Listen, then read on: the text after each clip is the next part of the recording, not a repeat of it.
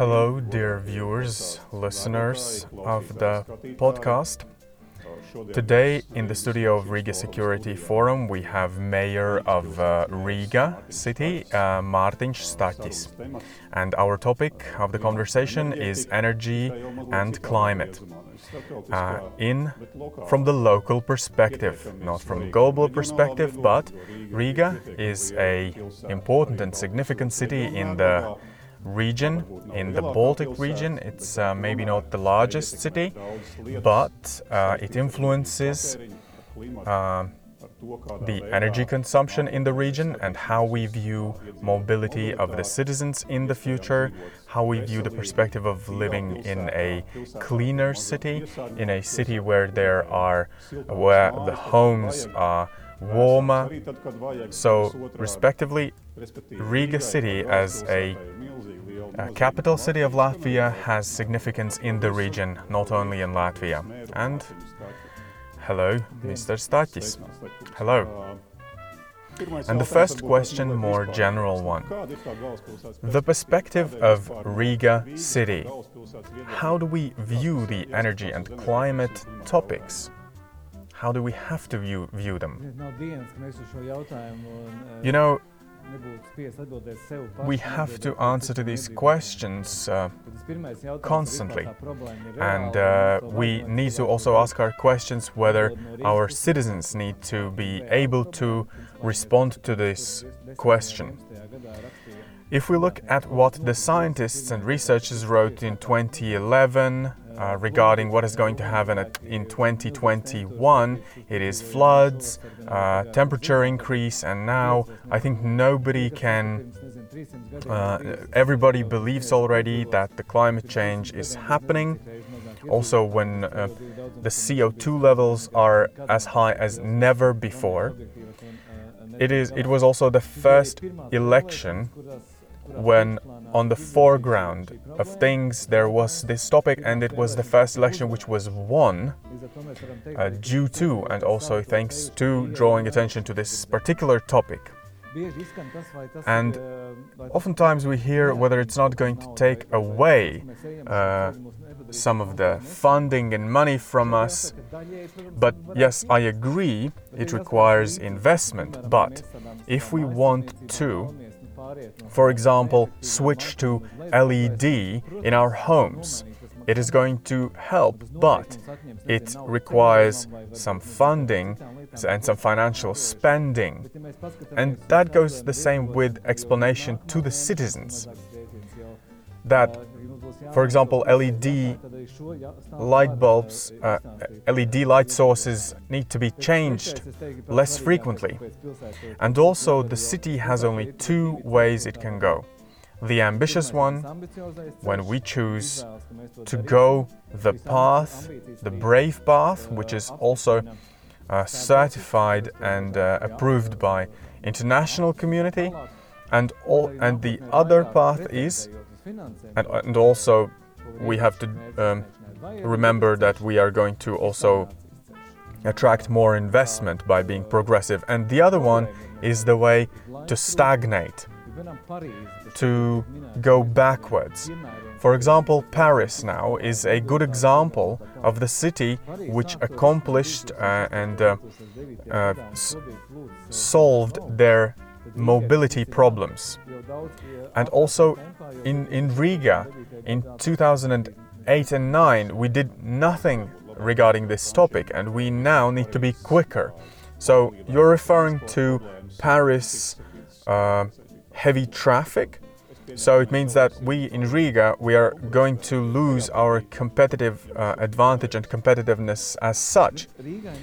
Yes, it is not a question for Riga what we have to do because we know what we have to do, but we need to ask our ask the question how to explain and it's to the citizens and this is and this is why it is important that there are such cities like Vienna, like Paris, we can go to, we can ask them what you learned how we can convince our citizens to support the changes. Because everybody wants change, but nobody wants to adopt. So I understand also that um, Riga, for Riga, there is also a possibility to exchange experience with other cities because it is uh, part of the membership of uh, some city exchange. Yes, in the future, how we are going to uh, attract more investment, for example, Paris Declaration, Paris Agreement, if it has been signed by the city or not. It is important because it is the dividends of our ambitious plan. And for Riga, being also capital city, everything on the national level can also be projected to the level of Riga city. For example, energy efficiency of the uh, of the homes, um, of the buildings, transport, mobility, uh, heating of homes, and other topics. Are is there anything you, as mayor of Riga, while speaking with your partners, uh, with subordinates, with colleagues, with citizens, which would you set as the priority number one for the city, which you would say that everything else can wait a little bit? 60% of the state economy uh, is um, Riga contributes 60% uh, of the whole uh, country's economy, although 30% of the people only live here. I think Riga is a major player here, the most important one. And the first thing is that this has to be on the agenda as the highest priority and the question number one.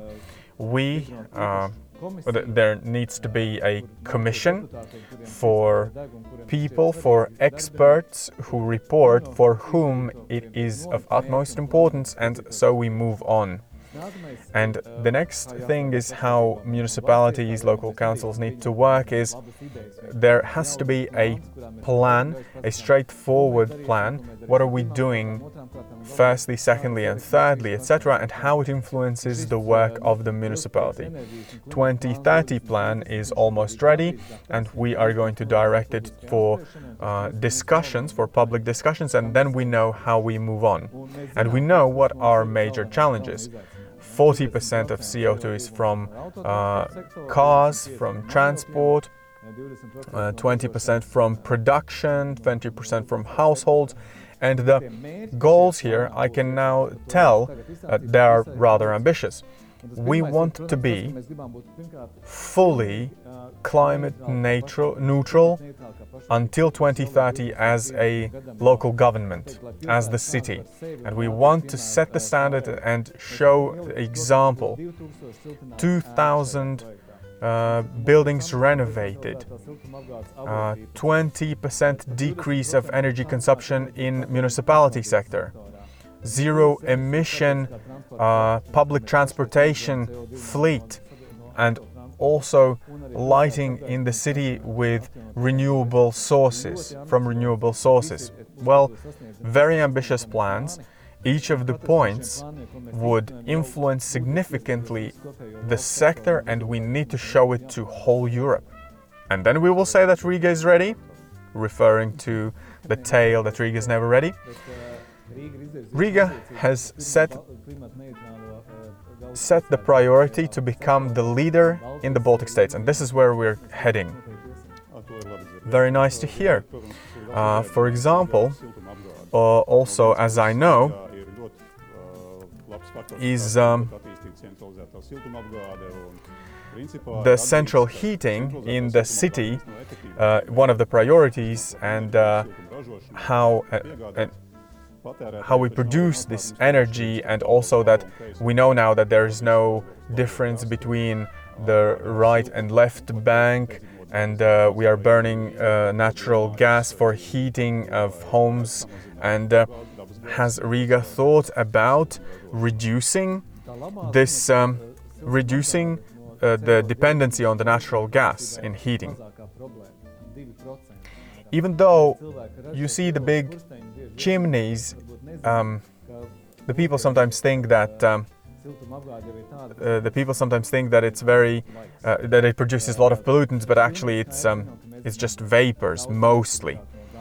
Gas, biomass, these are the resources, and um, and I think that we are going to achieve our goals uh, in the uh, in the next several years. But the difficulty is actually uh, the left bank of uh, Daugava River, where there's a lot of people with fireplaces which uh, burn Uh, burn wood in order to heat their homes. And there are also people, not only those people, but and households, but also people who cannot even afford wood. And this is the problem because they collect anything, they take anything and burn it. And so we can only connect them to the central heating of the city. Well, the solution would be to connect them to the central heating. And we also see that there are people who could switch, but they are not doing this. And this is what we have Restart Agency, which they and their um, their objective is going to be inform about heat pumps, about solar panels, because nowadays, today, it's not it's not that expensive actually, and you can attract the funding so that you wouldn't even feel from the future uh, saved um, uh, monthly installments, you wouldn't even feel this investment. This is one of the uh, most important goals to achieve. And also, when we had this, when we remember the situation in the 90s, when everybody chooses how they uh, switch and to what kind of heat source they switch, not anymore topical because we need to choose a uh, environmentally friendly system or we connect to the central heating to the whole city. Um, my intention was also to torture, so to say, you a little bit, uh, to choose one or the other priority, which I would be telling uh, structural changes or one particular kind of uh, heat source or transport mobility. Uh, so, like, if you had to choose one, which are you going to start with? We're going to choose, uh, like, we're going to achieve everything and draw attention to everything. But the number one priority which we are going to start with is mobility. What can we do? First of all, we can switch to more environmentally friendly fleet in public transportation. We have diesel buses. Uh, and we are now purchasing 40 electric buses. And I think that by 2030 we're going to have all our fleet changed.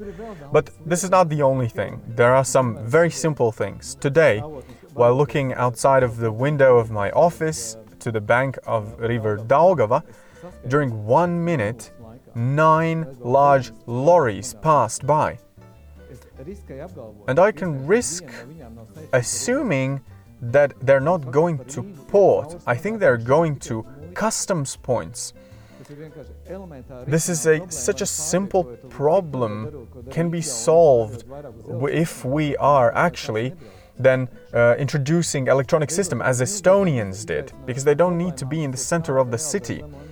Low emission zones, for example, when already now it is important for citizens to tell the citizens that please uh, do not uh, like do not hesitate to switch to this uh, lower emission uh, mobility solutions because it is going to very soon become very expensive already well we are we need to answer and produce and provide clear answers to the citizens. Currently the switch and adoption is um, is slow and definitely in the future it is going to be more expensive well, that is clear. And also the Green Deal. This is what they're talking about. Some love the, love it, some criticize it. It's not just ideology that we need to be environmentally more friendly. It is related to economic processes. We need to timely give signal also to entrepreneurs that this is our goal and objective publicly because technology introductions and nothing has occurred in the world without harmonization with someone who would then be able to uh, provide for the solutions, products, and services to the end user. Yes, However, there is also a difference. Why I'm telling that mobility is problem number one? Because, for example, renovating homes um, is going to reduce uh, is going to the more insulated homes are going to reduce their utility bills. They have to accept this, but for example, switch from private transportation to public transportation. It is inconvenience. The bicycle infrastructure building also for uh, currently it um, it produces inconveniences for uh, for car drivers, and we see it. We see it as an inconvenience, whereas insulation would be only more convenient living. Well, there's this gap between intention and action, as we have heard. Sometimes subjective gap, it can be objective, that, for example, funding is missing, and if, even if we do give people the money, it doesn't guarantee that the result is going to come. And here with the mobility, what are the particular, like concrete ideas? What can we do? Maybe you can share some ideas. The funds or resilience funds, uh, 300 millions are intended for this. Uh, public transportation, uh, bicycle infrastructure, uh, railroads. It is clear that in long term, and the main concern is going to be that from Salaspils, in order to go to Mežciems, one of the neighborhoods in Riga, we need to go through center. So currently there's a transport squeezing inside the center from outside of Riga and from all neighborhoods of Riga. Uh, but we need the mobility points in order for people not to go through the center. And uh, within the mechanism funding, there are six points intended already like that. But I believe that we need to build more. And I need, I believe that we need to build transport line in order to connect uh, public transportation and uh, bicycle infrastructure, railroad, all in one system with one ticket between the train and other means of public transportation, and also tens of kilometers, hundreds of kilometers in order to connect also Riga city with the nearest also other municipalities. I think in four to five years and in 10 years definitely you're going to see major changes in public transportation and in infrastructure? Well, I think that's very positive, and uh, Riga citizens also uh, um, are expecting, have been expecting for a long time already some changes and nice surprises and improvements in infrastructure because currently with traffic jams and with time spent in public transportation currently is um, has not changed for very many years, and of course also. Uh, uh, also uh, paid parkings in the city, in the city center. Yes, we do have them already, yes, but they are going to become more expensive. And now the energy efficiency of the buildings and their insulation. Riga is uh, this uh, large um, large amount of households really live in Riga, as we already talked about. What are those revolutionary steps? How can we motivate? Additionally to what already state does, how can Riga give the uh, give the momentum to this energy efficiency market? I think by setting more ambitious goals. Now we know 160 uh, we need to insulate and renovate 6,000 homes. 2,000 homes are intended for next several years. This is a minimum in the program. just 10 times more than it is currently now because now 160 residential buildings only are uh, renovated. What about the mechanisms? Well, um, currently it is not possible with the mechanisms we have in place. Looking at, for example, Lithuania, in the direction we have chosen, uh, by grants, not rotation fund, for example, as it is in Lithuania. I think without rotation fund, uh, we will not be able to achieve this. This is the idea, which is already in the Ministry of uh, Economics in and uh, we are going to go into this direction. Uh, but it, anyways, it, we can achieve this, uh, and we need to we need to convince the people in big homes where thousands of people live.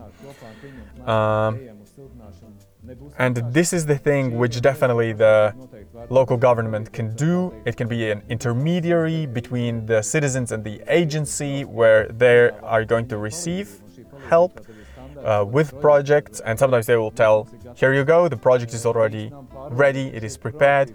And there are citizens who say that they are ready, they are ready to go, uh, come to the agencies, come to us. It is clear that um, people are going to insulate, renovate their homes, and uh, drastically they will have reduction in their utility bills. But we need to look at the fund uh, to also uh, provide solution for that. There are proposals which we can put on the table. I definitely see that it is real. Uh, it is not impossible to achieve. There are also uh, lenders available, and I would say that funding is not the most important problem, so to say. Uh, the most important problem is willingness to do it, involvement in order to achieve this. I think rotation fund very well, and I think also change in habits because um, we also say like today it requires a lot of money from me from some mystical mysterious uh, uh, advantage in the future. But i would say well you know what? I don't know how long i'm going to live and where i'm going to live so maybe it doesn't uh, it's not my problem. I come from small town and um, and and I I have been to those homes and I ask them uh, we have asked them how is it? Is it more convenient now to live in a renovated home? And they say yes. The homes are not that uh, hot not that cold etc so it also improves their uh, the value of their homes for later sale for example. Environment energy consumption well what about yourself uh, how do you Mm, would you say you are conscious uh, person in the, in this respect? Well, I'm also an entrepreneur, and I calculate. Currently, I am solving the issue of uh, electricity bill, and this is why I have also now concluded agreement for solar panel installation. Within four to six months, next four to six months, I am going to, I hope to solve this issue and Mm, and in spring, I'm expecting to also become an owner of an electric vehicle.